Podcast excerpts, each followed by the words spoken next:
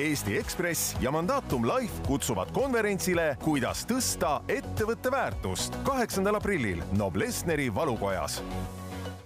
tere päevast, alustame Eesti Ekspressi taskuhäälingu saadet, kus me räägime kõigi eestlaste ühisest unistusest teha maailma paremaks. mina olen Erik Moora Eesti Ekspressist ja me räägime seda juttu ähm, ähm, kaheksandal aprillil toimuva Ekspressi ja Mandatum Life'i ühise konverentsi kontekstis et konverents keskendubki ettevõtete väärtustele ja väärtusele ja me ei räägi siin siis ainult rahalisest väärtusest, vaid ka sellest, milline on siis ühe ettevõtte selline laiem ja sügavam mõju sellele keskkonnale, kus ta tegutseb. Äh, ehk siis tegelikult meile kõigile. nii et siis äh, ettevõtete ühiskondlikust äh, väärtusest me nagu räägimegi ja pingutame siis selle nimel. ja meie saates osalevad täna Milton New Nordicsi partner ja tegevjuht Annika Arras. tere! Mandatum Life'i turundus- ja kommunikatsioonijuht Hele Soomets. tere! ja Mandatum Life'i võtmeklienti haldur Aime Klooren. tere! kõigepealt, et kuulajad meist natukene paremini aru saaks, üldse ettekujutus oleks, kes räägivad, siis ma küsiks äh, kaks sõna teie ette, ettevõtete kohta ka, äh, et mis üldse on Milton New Nordics? Milton on aastal kaks tuhat üks Soomes asutatud konsultatsiooniettevõte, mis tänaseks on laienenud äh, üle terve Põhjala võiks ja, ja otsapidi ka Ameerika mandril. aga tegeleme kommunikatsiooniga selle hästi laias haardes, alates finantskommunikatsioonist, lõpetades kuni organisatsiooni kultuuri arendamiseni, ja Milton New Nordics on siis äh, selle, selle koosluse äh, üksus Eestis ja meie siit siis katame ka Lätit, Leedut ning eh, nimetame seda uueks Põhjalaks, eh, mitte Baltikumiks. ahah, millega tegeleb Mandatum Life? me oleme samuti Soome ettevõte ja me oleme siis Sampo gruppi kuuluv varahaldus- ja investeerimisettevõte, lisaks tegeleme ka siis elukindlustusega. ja me haldame circa üksteist miljardit, on siis meie investeeringute maht. ja samuti oleme ka Lätis-Leedus mhm. mm. -hmm küsingi kuidagi, et, ähm, et äh, see, see Mandatum Life on siis justkui pakub ka investeerimistooteid ja räägib just hästi palju sellisest vastutustundlikust investeerimisest, et äh, mi-, mida see üldse tähendab siis, see vastutustundlik investeerimine? Äh, no jah, me oleme nüüd üheksa aastat tegelikult võtnud enda ettevõtte fookuseks vastutustundliku investeerimise et, et lihtsustatult on siis selle, selle mõte see, et, et lisaks sellele, et me jälgime finantstootlust, me jälgime ka seda, et kuidas meie, meie siis need investeerimisobjektidel mõju on keskkonnale, lisaks sellele, milline on mõju siis sotsiaalsele siis keskkonnale ja, ja samuti me võtame ka arvesse sellist juhtimise vastutust. ehk siis, ehk siis me, me ainult ei otsi seda, et, et kust saaks palju raha, vaid me jälgime ka, kuidas siis see mõjutab meie ümbritsevat keskkonda mm. -hmm. kuidas te seda mõõdate? See tegelikult, see protsess on meil nüüd üheksa aasta jooksul päris hästi välja töötatud, et, et me, me kuulume mitmesse erinevasse organisatsiooni, et alustuseks kaks tuhat üksteist me siis allkirjastasime ÜRO-ga, neil on selline UNIPRE nimeline organisatsioon, mis siis Principles for Responsible Investing, ehk siis on põhimõtted ja vastutustundlikule investeerimisele. me allkirjastasime selle kaks tuhat üksteist ja siis oleme nüüd järk-järgult seda, neid tingimusi täitnud. Ja me oleme väga uhked, et me eelmisel aastal saime A-reitingu, A pluss reitingu selles mis on suhteliselt, suhteliselt hea saavutus, sest ainult kakskümmend viis protsenti ettevõtetest üle maailma saavutab selle. aga, aga ku-, kuidas me siis seda teeme, on see, et me esiteks siis analüüsime lisaks finantsnäitajatele ka ettevõtete siis erinevaid, erinevaid tee siis faktoreid, näiteks jälgime nende juhtimis, ärieetikat, inimõigusi, töö, töökeskkonda, siis äh, lisaks sellele jälgime aga siis tootevastutust, et kuidas siis see toode mõjutab äh, inimkonda äh,. ja, ja selleks me lisaks enda siis analüüsile kasutame ka partnereid äh,, kaks ettevõtet, kes siis meile tegelikult teevad neid uuringuid ja siis pakuvad, pakuvad seda informatsiooni.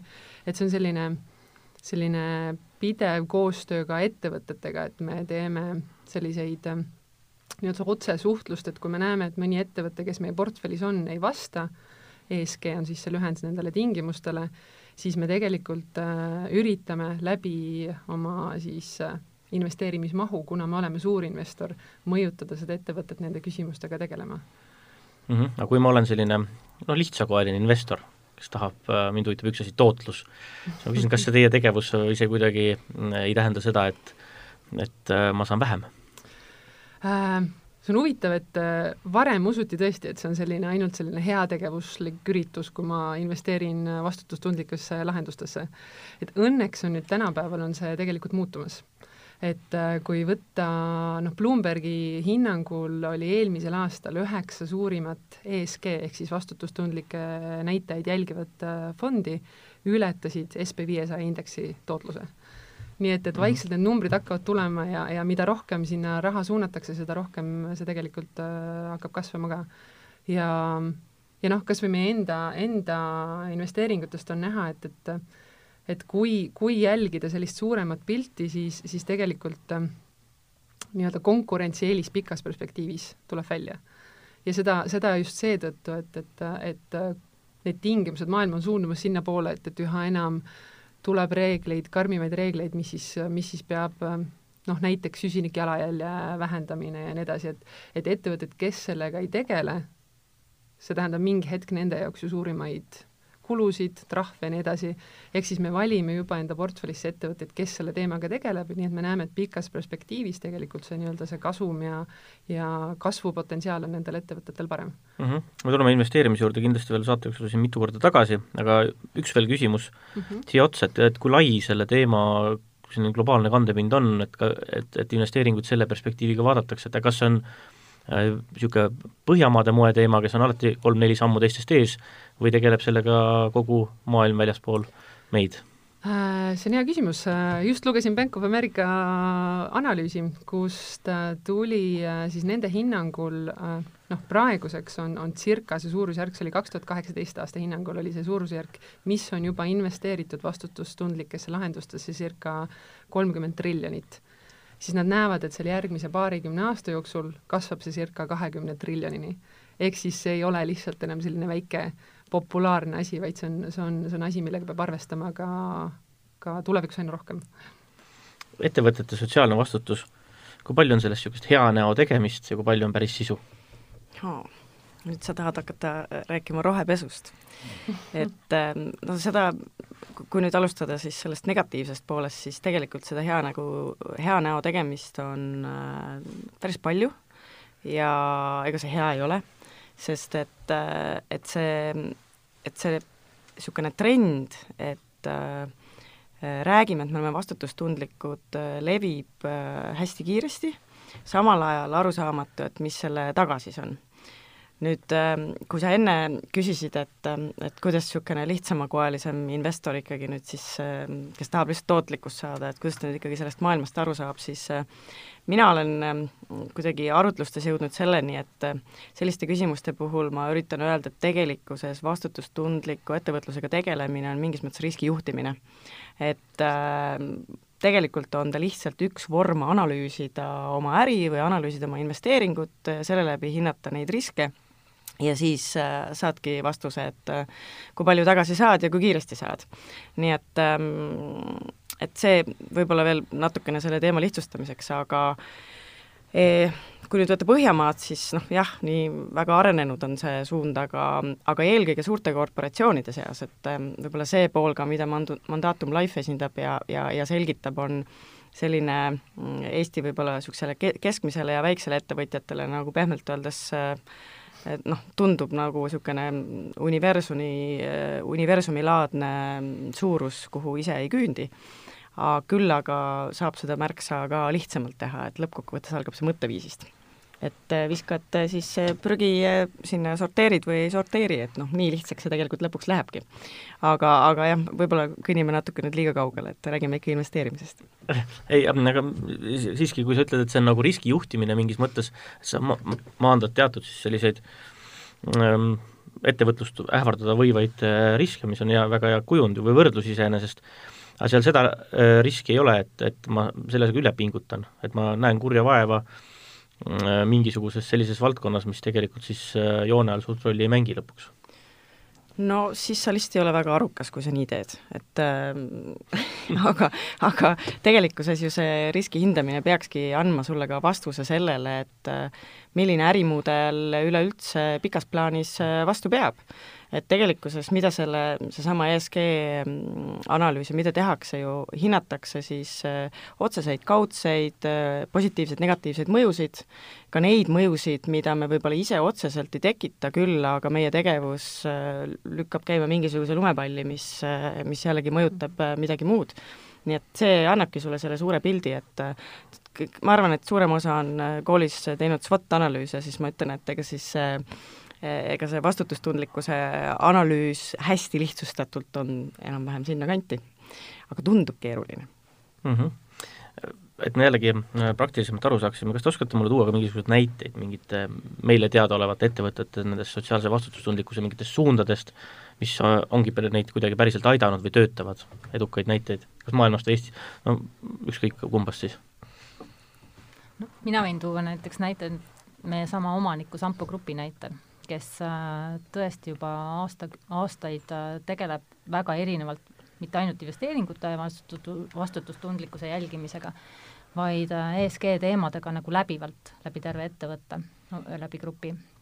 ja jälgitakse nii keskkonnamõju, nii seda, et kas prügi ettevõtetes sorteeritakse või mitte, et aga see on ainult ju niisugune väline teema, et väga suur valdkond, millega tegeletakse, on inimesed sest et eriti teenusesektoris on ju inimesed kõik see, mis ettevõttel on, ja, ja see, et kuidas me kohtleme oma inimesi, kui hästi nad ennast tunnevad, milline on võrdõiguslikkus, kuidas, kuidas suhet su,, noh, kõikide selliste teemadega tegeletakse, et siis see on hästi oluline.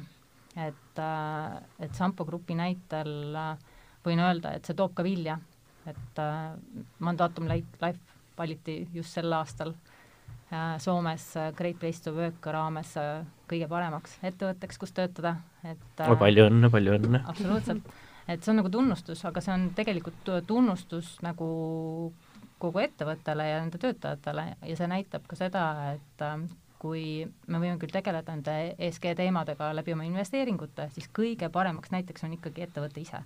see, et mitte see, et kuidas me nagu jälgime teisi ettevõtteid, vaid kuidas me käitume nende samade teemadega enda ettevõtte sees mm. -hmm. kui laialdaselt Eesti ettevõtted sellega tegelevad juba, kui on see üldse teema meil?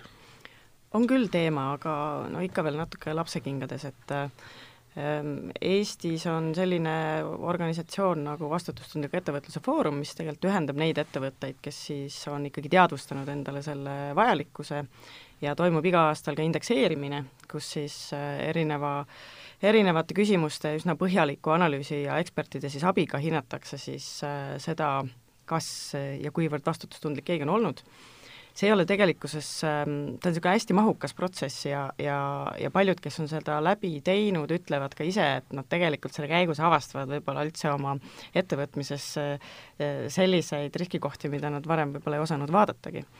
nii et ähm, aga, aga neid ettevõtteid Eestis on niisugune paarisaja ringis, äh, kes selgelt ja nähtavalt sellega tegelevad. nüüd äh, paar aastat tagasi ma tegin ise sellise analüüsi, et ma võtsin ette Eesti äh, sada siis kä-, käibe poolest sada suurimat ettevõtet ja üritasin aru saada, et kuivõrd need sada ettevõtet siis äh, käibe ja kasumi topp oli see siis, äh, on suutnud nüüd siis defineerida enda vastutustundlikkust ja kas noh, lisaks kasumi teenimisele seal midagi veel on, siis nendest sajast ettevõttest kakskümmend kuus äh, olid siis need, kes äh, väliste tunnuste põhjal, äh, kui ma kasutasin siis avalikke andmeid, olgu see nende veebilehed või olgu siis seesama vastutustundlikkuse indeks, sain aru, et nad sellega nagu mõtestatult tegelevad mm. ja kõik ülejäänud oli ikkagi siis kas, kas null või siis ikkagi sellises rohepesu staadiumis.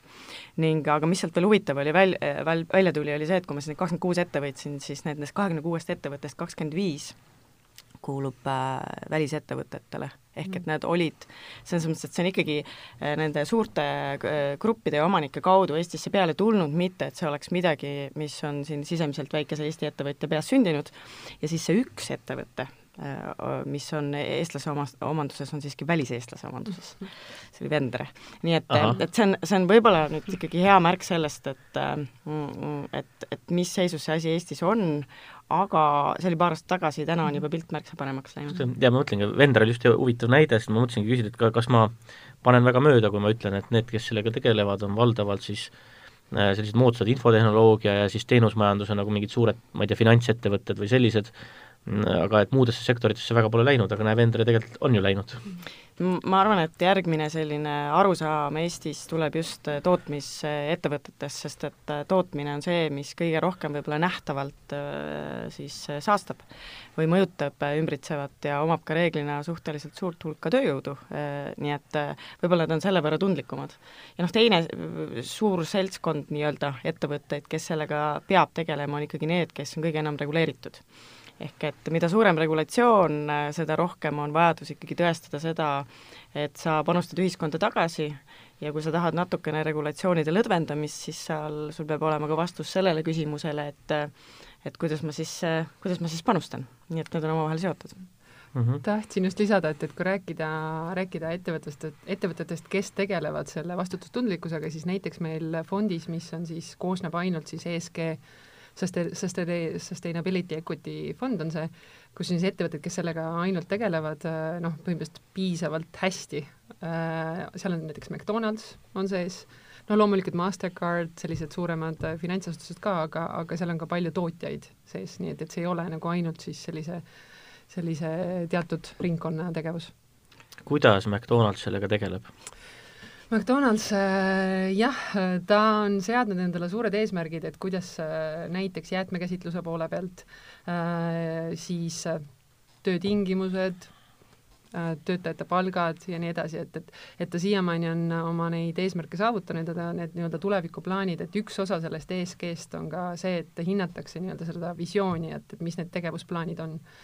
ja, ja noh, siiamaani ta on kvalifitseerunud sellele, eks, nii et jah, et ma annaks küll nõu omalt poolt, kui veel saab anda et, et ähm, midagi tuleks ette võtta selle jäätmekogusega, mis seal, kui sa ühe korra sinna korraks lähed näiteks perega või lastega, ette tuleb, okei okay,, aga see on võib-olla, võib-olla neil ongi sellega mingi väga hea plaan ja nad vaikselt teevad kuskil, mida ma ei näe või mida ma ei tunne, et tehakse.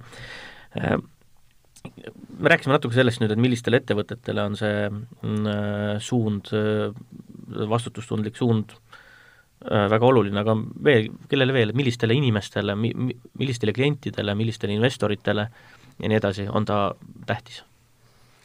võib-olla, kui rääkida, sa ennist küsisid ka, et, et, et nagu kellele siis on see reaalselt kasu toonud, et, et aastal kaks tuhat neliteist juba, juba avaldati uurimus, kus kus vaadati siis ettevõtteid, kes siis reaalselt äh, paljastavad või avalikustavad oma, oma ettevõtte tegevuse tagajärjed Äh, ja börsil olid need ettevõtted tegelikult tunduvalt äh, vähem volatiilsed. ehk siis noh, põhjus selles on see, et, et skandaale ei tulnud kuskilt varjust välja. nii et, et, et ma ei tooks välja mingit ühte, ühte valdkonda või sektorit, et see on tegelikult kõigile, kes on börsil, et peaksid sellele tähelepanu pöörama ja noh, mandaatumi, kuna me oleme suur investor, siis, siis ma näen, et, et meie, meie roll koos Sampo Grupiga ongi see, et meil on see mõju ja võim suunata ettevõtteid rohkem sellega tegelema, sest mingi hetk on, noh, meil on küll näiteid, äh, kus me ei ole valinud teatud objekte või teatud ettevõtteid sellepärast, et nad ei vasta teatud kriteeriumitele mm. -hmm. aga tihti ikkagi niisugune nagu lõppinvestori või see äh, ütleme, ta hääletab oma jalgadega või lahkub sellepärast, et üks või teine mm, ettevõte pole olnud piisavalt sotsiaalselt vastutustundlik no meie puhul, ma ei oska teiste kohta rääkida, aga mandaatum äh, kindlasti on, me oleme seda korduvalt teinud ja juba sellepärast, et, et me oleme selle, nagu, nagu ma ennist ütlesin, võtnud fookuseks, et, et me tahame olla seal A pluss äh, reitinguga ettevõte, kes siis jälgib selliseid näitajaid, nii et me ei saa endale lubada sinna sisse selliseid mittevastavaid ettevõtteid. oi, kuidas tahaks nüüd näidet aga aga investorid saavad seda ise mõjutada ju ka, et äh, tegelikkuses kui, äh, kui minna sisse kuskile investorina, olla osa aktsionäride koosolekust, siis tegelikkuses on võimalik ka omada sellist positsiooni, kus sa saad seada ka nõudeid ettevõttele, et sa selles mõttes, et sa ei lähegi sinna võib-olla muidu sisse. et, äh, et seal investorite maailmas on just tuntud sellised terminid nagu positiivne screening ja see negatiivne screening, ehk et et mingis mõttes äh, Äh, juba esimeses faasis kas midagi välistatakse või, või midagi jäetakse lauale ja, ja siis, kui see nii-öelda negatiivne ei ole nüüd liiga negatiivne, siis on võimalik, et minnakse sisse teatavatel tingimustel mm. -hmm. Nii et ähm, jah, aga noh, lahkujaid on ikka. muideks, kui korra üks teema veel meenus, et kui te ennem hakkasite rääkida, et skandaalidest, siis äh, äh, tihtipeale öeldakse, et et et see raporteerimine, vastutustundlikkusest raporteerimine, et see on midagi kuskil aastaraamatus kirjas ja, ja see on noh, sealt selles paksus dokumendis, et seda loevad need viis inimest, kes selle on kirjutanud, siis, siis tegelikkuses kogu see mm, kõik, mida ettevõte räägib ennast ükskõik millises kommunikatsioonikanalites, olgu see siis nagu veebileht, sotsiaalmeedia või siis skandaal kuskil peavoolumeedias, siis see kõik on tegelikult osa sellest samast screening ust, mida potentsiaalsed investorid siis teevad nii et äh, see on ka kommunikatsioonis riskijuhtimise tööriist ähm,? Ma näen ikkagi siin ka riskivõimalusi tegelikult, äh, toon poliitilise võrdluse. et kui partei ütleb, et äh, et me oleme see kõige korruptsioonivabam maailmas, et nagu kõige, meie null korruptsiooni, ja siis kuskil väikses vallas kuskil üks selle partei esindaja midagi teeb valesti, eksib millegi vastu, siis on jama tohutult palju suurem. võrdluseks kõrval teine partei, kes ütleb, et maailm on vigadega, me oleme ka mõnikord vigadega, äh, püüame anda oma parimat, aga noh, eks ikka juhtub. ja siis, kui nendel juhtub, siis tegelikult nagu midagi sellest ei tule, sest et äh, nad ei olegi lubanud niisugune superaus, õige ja õiglane olla. et kas ei ole nende sotsiaalselt vastutustundlike ettevõtete nagu selline riskikoht ka, et kui meil on ikka see võrdõiguslikkus on alati sada korda paigas, ja siis äkki tuleb välja, et nagu Kanada peaministril Justin Trudeau'le, et sa oled teinud mingi rumaluse kunagi või keegi, kellegi vastu vääratakse ja, ja see lööb sulle endale hoopis valusalt vastu näppe. see on, see on muide üks põhjus, miks äh, selline Eesti, keskmine Eesti ettevõtja pelgab tegelikkuses sellest rääkida ja just nimelt, et vaata, et kui ma ütlen, et ma olen selline õilishing ja siis pärast tuleb välja, et noh, tegelikult nii väga ei olegi, et siis mis juhtub siis äh, kui me räägime ettevõtete sotsiaalsest vastutustundlikkusest, siis seal on väga selgelt ka nii-öelda defineeritud, et see ei tähenda täiuslikuks olemist, see tähendab parema pool püüdlemist. ehk et kui sul on ikkagi ettevõttes selgelt kehtestatud põhimõtted, kuidas näiteks korruptsioonisituatsioonis käitutakse, ja siis, kui tulebki välja, et seal äh, üks laotöötaja on ühe kastiga minema kõndinud, siis siis tuleb ka vastavalt käituda nendele põhimõtetele, et tegelikult peab ettevõte reageerima ja kommunikatsioon peab olema sel hetkel avalik, läbipaistev, vastavalt siis äh, seatud äh, äh, tehtud kokkulepetele. ja seda tegelikult investorid hindavad. et kui sa suudad kriisiolukorras adekvaatselt käituda, aga kui sa siis lahmima hakkad, võib-olla noh, võib-olla varjaks natuke, et noh, tegelikult ta ju ei võtnud ja ta lihtsalt laenas, et noh, siis, siis on hoopis teine olukord. jah, et äh mandaatumis ilmselt olete pidanud sellega silmitsi olema, et et öö, olete mingit investeeringut soovitanud või, või ise teinud ja on selgunud, et ta ei vasta nendele standarditele päriselus. või ei tule seda meelde hmm.? et kuidas, kuidas see rea-, reaktsioon, reaktsiooni moment nagu lahendatakse või üle elatakse siis?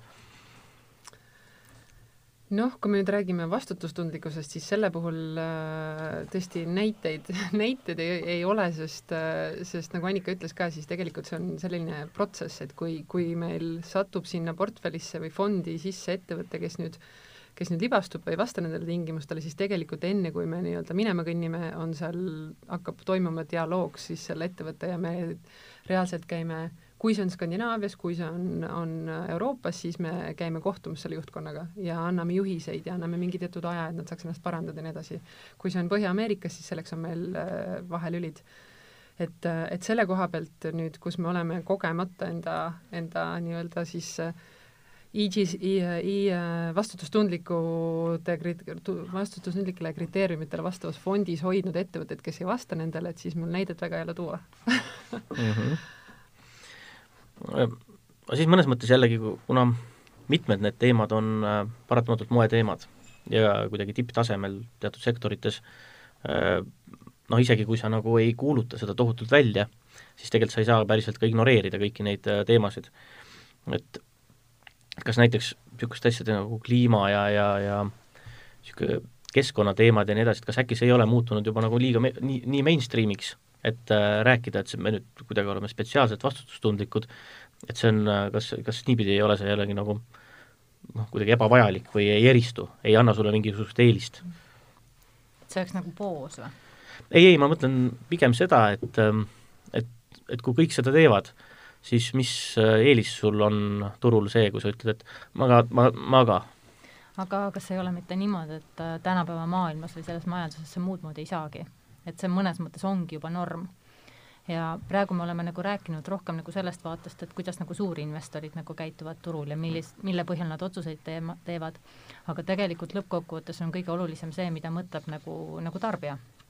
või et äh, see, kui äh, nagu üks meist, kes iganes otsustab investeerida pensioniks, oma tuleviku tarbeks, et mille põhjal tema oma otsuseid teeb.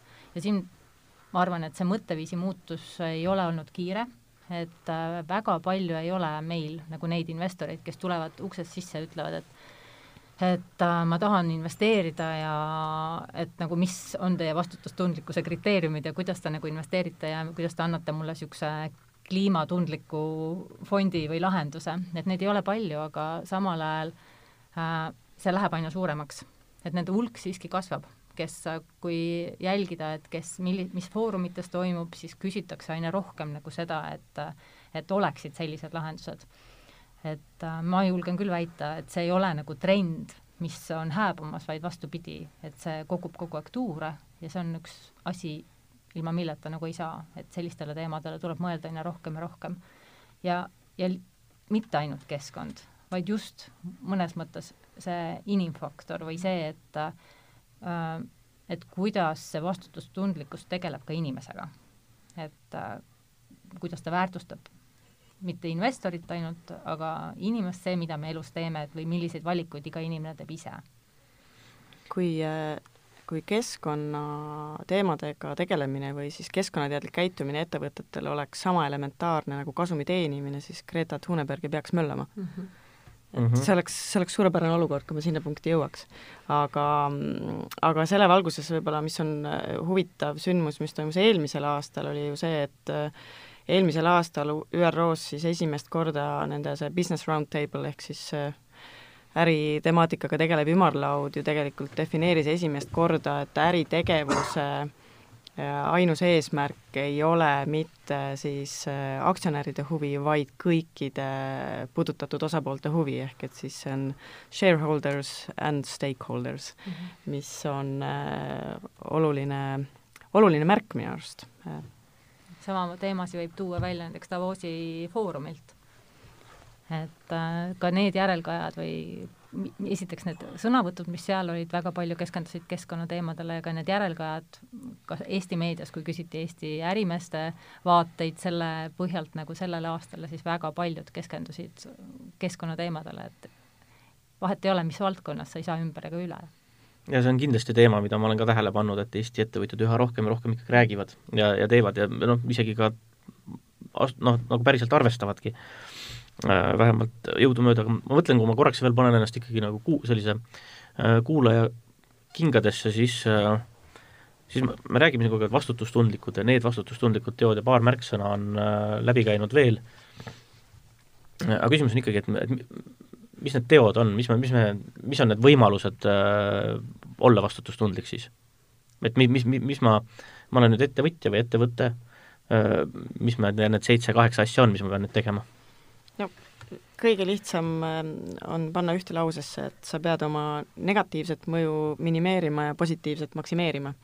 mis siis tähendabki seda, et kui sa näiteks äh, toodad midagi, selle tootmise käigus äh, sa tekitad, äh, paiskad õhku hulganisti CO2, siis äh, sa pead investeerima nendesse lahendustesse, mis võimaldavad seda siis vähendada, või siis äh, näiteks, näitena võtad siis töötajad sappa, lähed metsa ja istutad siis samaväärselt puid. ehk et, et see pidev tasakaalu otsimine selle negatiivse ja positiivse vahel ongi see, ja, ja siin ei saa niisugust ühest joont tuua, et mida sa peaks tegema, sest see kõik väga palju sõltub sellest, mis on sinu tegevusvaldkond. niisugused head vanakooli asjad nagu sponsorlus näiteks no see sponsorlus on pehmelt öeldes niisugune hea müüt, et, et et Eestis on, ma olen hiljuti läbi teinud ka ühe uuringu, rääp-, rääkinud Eesti tippjuhtidega, et siis on niisugune mõnus müüt, et arvatakse, et kui oled kui oled kasumist jupikese ära andnud aasta lõpus, et siis, et siis see on vastutustundlik ettevõtlus, et et see, isegi see sponsorlus või heategevus peab olema tegelikult mõtestatud, mitte lihtsalt raha laiali loopimine, vaid sa pead ikkagi aru saama, kus on sinu see negatiivse mõju koht ja siis, siis sa peaksid sinna selle raha suunama. mis ei tähenda seda, et filantroppiaga ei võiks tegeleda, absoluutselt, see on igati teretulnud. aga võib-olla ärimaailmas võiks see olla ikkagi teadlik äh, tegevus mm. -hmm. ma ei tea, mingisugune vabatahtlik töö äh,, lähme oma kollektiiviga kord kvartalis ja ehitame midagi või, või toetame kedagi või hoolitseme kellegi eest. absoluutselt. on see asi, mida tehakse? ma arvan küll, vähemalt nii palju, kui ma nagu lihtsalt ise kõrvalt olen kuulnud, et meie ettevõttes me teeme mingil määral, mitte palju, ma arvan, võiks palju rohkem teha. mida näiteks olete teinud? Äh, me oleme teinud, näiteks sellel aastal meil on plaan, et äh, on selline organisatsioon nagu Minu unistuste päev, mis tegeleb äh, krooniliselt haigete lastega et siis vabatahtlikuna kaasa lüüa seal äh, ühe või kahe lapse päeva paremaks tegemisel lihtsalt oma nagu vabatahtliku tööna, mitte ettevõtte kohal, vaid lihtsalt nagu töötajatena minna. et äh, kunagi oleme käinud puid istutamas, aga ma arvan, et see aktsioon on selline, mida kõik ettevõtted on teinud kunagi, et see ei vääri määri, vääri mainimist, aga ma arvan, et võiks teha rohkem. aga kui ma kõrvalt kuulan nagu teisi, siis ma arvan, et ei olegi ettevõtet, kes ei teeks seda üldse. et ma arvan, et see on üsna standard, mida enamus Eesti ettevõtteid siiski mingil määral teeb. ma julgeks väita tegelikult on pilt on parem kui välja paistab, sest et äh, paljud äh, tegevused tunduvad nii elementaarsed täna, et neid ei, kuidagi ei mainita või neist ei räägita ja eestlasel ei ole üldse minu arust niisugune, no ei ole hea tunne nagu uhkeldada, et ma olen midagi hästi teinud, et lähed teed vaikselt ära.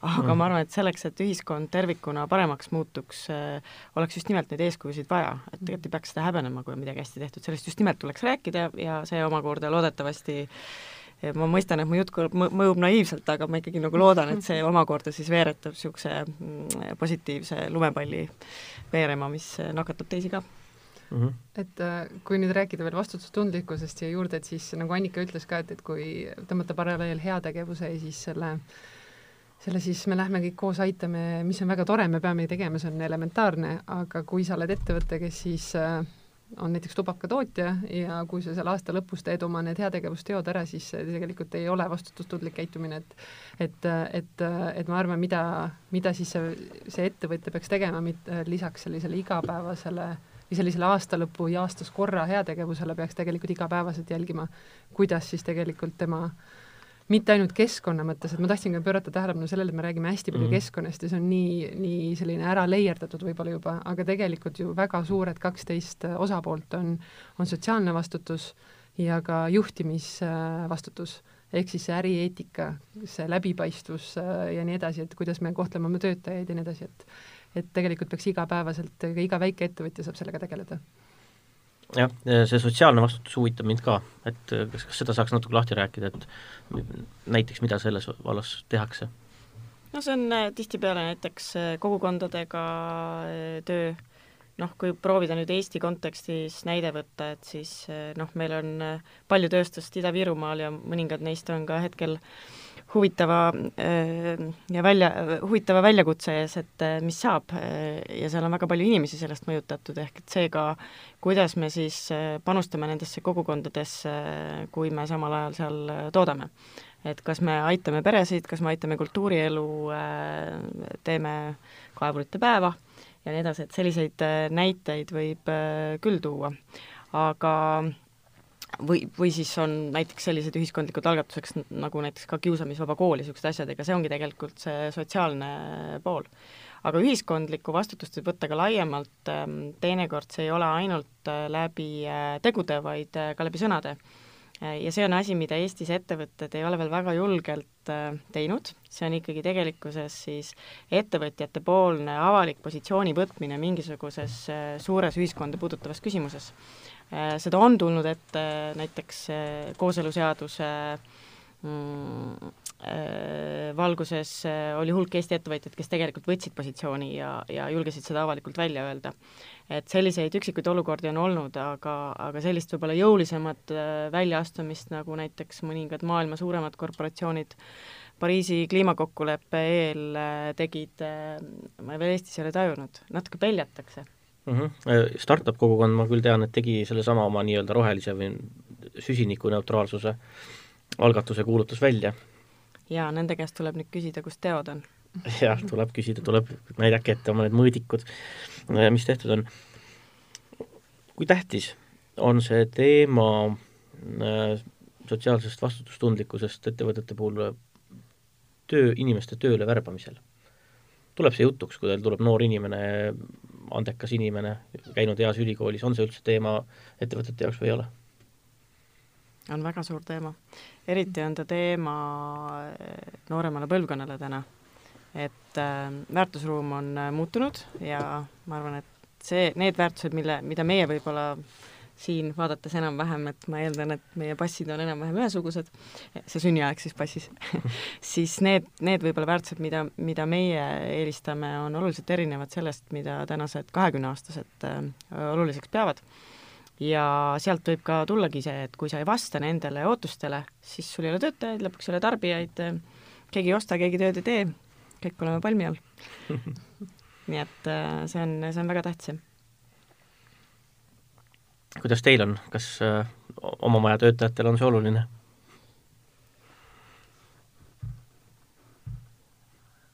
otseselt äh, ma ei oskaks öelda, et meil on äh, töövestlustel viimasel ajal see jutuks tulnud, aga see töö iseloom või need ootused on muutunud hästi palju. ja me oleme teinud nagu sisemisi niisuguseid noh, mitte ainult värvates, vaid äh, nagu, nagu koolitusi oma inimestele äh,, valdavalt küll nüüd keskkonna ja niisuguse üldise prügi sorteerimise ja sellistel teemadel, siis ka vanemad inimesed on äh, valmis nagu muutuma või et see teema läheb inimestele rohkem korda. Ja loomulikult on natukene raske kutsuda neid muutusi e-, esile, see mugavustasa, tase on nagu nii suur, et me oleme harjunud mingit moodi käituma, aga on võimalik juurutada niisugust äh, ei võta kilekotti kaasa, vaid võtan nagu paberkoti või mitte isegi paberkoti, vaid võtan nagu riidest kotipoodi kaasa nagu algatusi ettevõttes sees. et, ähm, et see on nagu niisugune puhtalt jälle niisugune rohelise mõtlemise teema, aga, aga on hästi palju muutunud ka see ootus, et kuidas nagu ettevõte suhestub nagu töötajaga, milliseid võimalusi pakub, millised on mitte ainult need spordiklubi hüved, aga et kui mõtestatud on ettevõtte nagu toimimine. et seda nagu inimesed vaatavad rohkem üks, mis on huvi, huvitav oh,, vabandust, ma tahtsin noorte jutu mhm. jätkuks veel öelda, et me kaks tuhat seitseteist tegime ühe uuringu just siis vaadates kodanike ootusi ettevõtetele vastutustundlikkuse osas äh, paralleelselt siis Eestis, äh, Soomes, Rootsis ja Eesti kaheksateist kuni kahekümne kolme aastaste inimeste siis äh, ootused ettevõtetele väärtuste mõttes olid täpselt samasugused nagu keskmisel rootslased. Keskmisel rootslasel ehk et noorem põlvkond elab selles ähm, ütleme siis selles Kreeta maailmas juba mõnda aega, aga, aga vanem generatsioon Eestis veel sinna ei ole jõudnud ja nüüd me tegime sellesama uuringu uuesti mm. -hmm aga need on nii värsked numbrid, et ma nägin neid esimest korda üleeile, et mul ei ole veel nagu täit infot, aga üks esimene järeldus, mis ma sealt tegin, on see, et et keskkonnaalane eh, teadlikkus või ootused on just nimelt kõige vanemas vanusegrupis Eestis tõusnud. Ja ma arvan, et siin tuleb vaadata eh, meediale otsa, nad siin üks istub, vaatame otsa.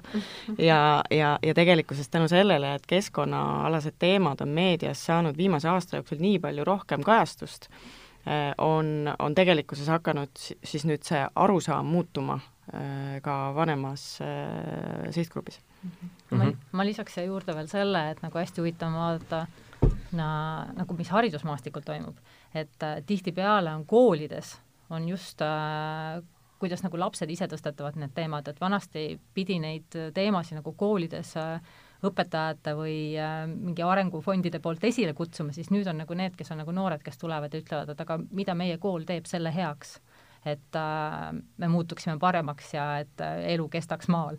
et äh, sealt nagu kasvab see põlvkond, kes peale kasvab, et loomulikult Greta Thunberg on teinud nagu suure töö ära, et nagu sealt need küsimused on nagu väga esile tõst-, tõstetud nagu kogu aeg mm. -hmm. Aime, kas sa tahtsid midagi enne lisada? tahtsin lisada mandaatumi koha pealt, et, et võib-olla meie, meie töö sisu ise on ka vastutustundlik, sellepärast et me, meil on suur osa ettevõttest tegeleb tegelikult elu kindlustamisega. Nii et, et ma arvan, et need töötajad, see vanem generatsioon, kes meil seal paljus on, nad tegelikult igapäevaselt selgitavad inimestele, miks oma, oma elu kindlustada, mis on tegelikult ka nii-öelda ju mõnes mõttes on, on vastutustundlik tegevus, nii et vastutuse võtmine oma elu eest. täpselt. jah, suur tänu teile äh,! tänud, et tulite äh,, tänud, et jagasite oma mõtteid ja kogemusi äh,, oli väga huvitav ja äh, loodan, et saame ka teid näha konverentsil. Lähme nüüd vastutust võtma. täpselt, aitäh! aitäh!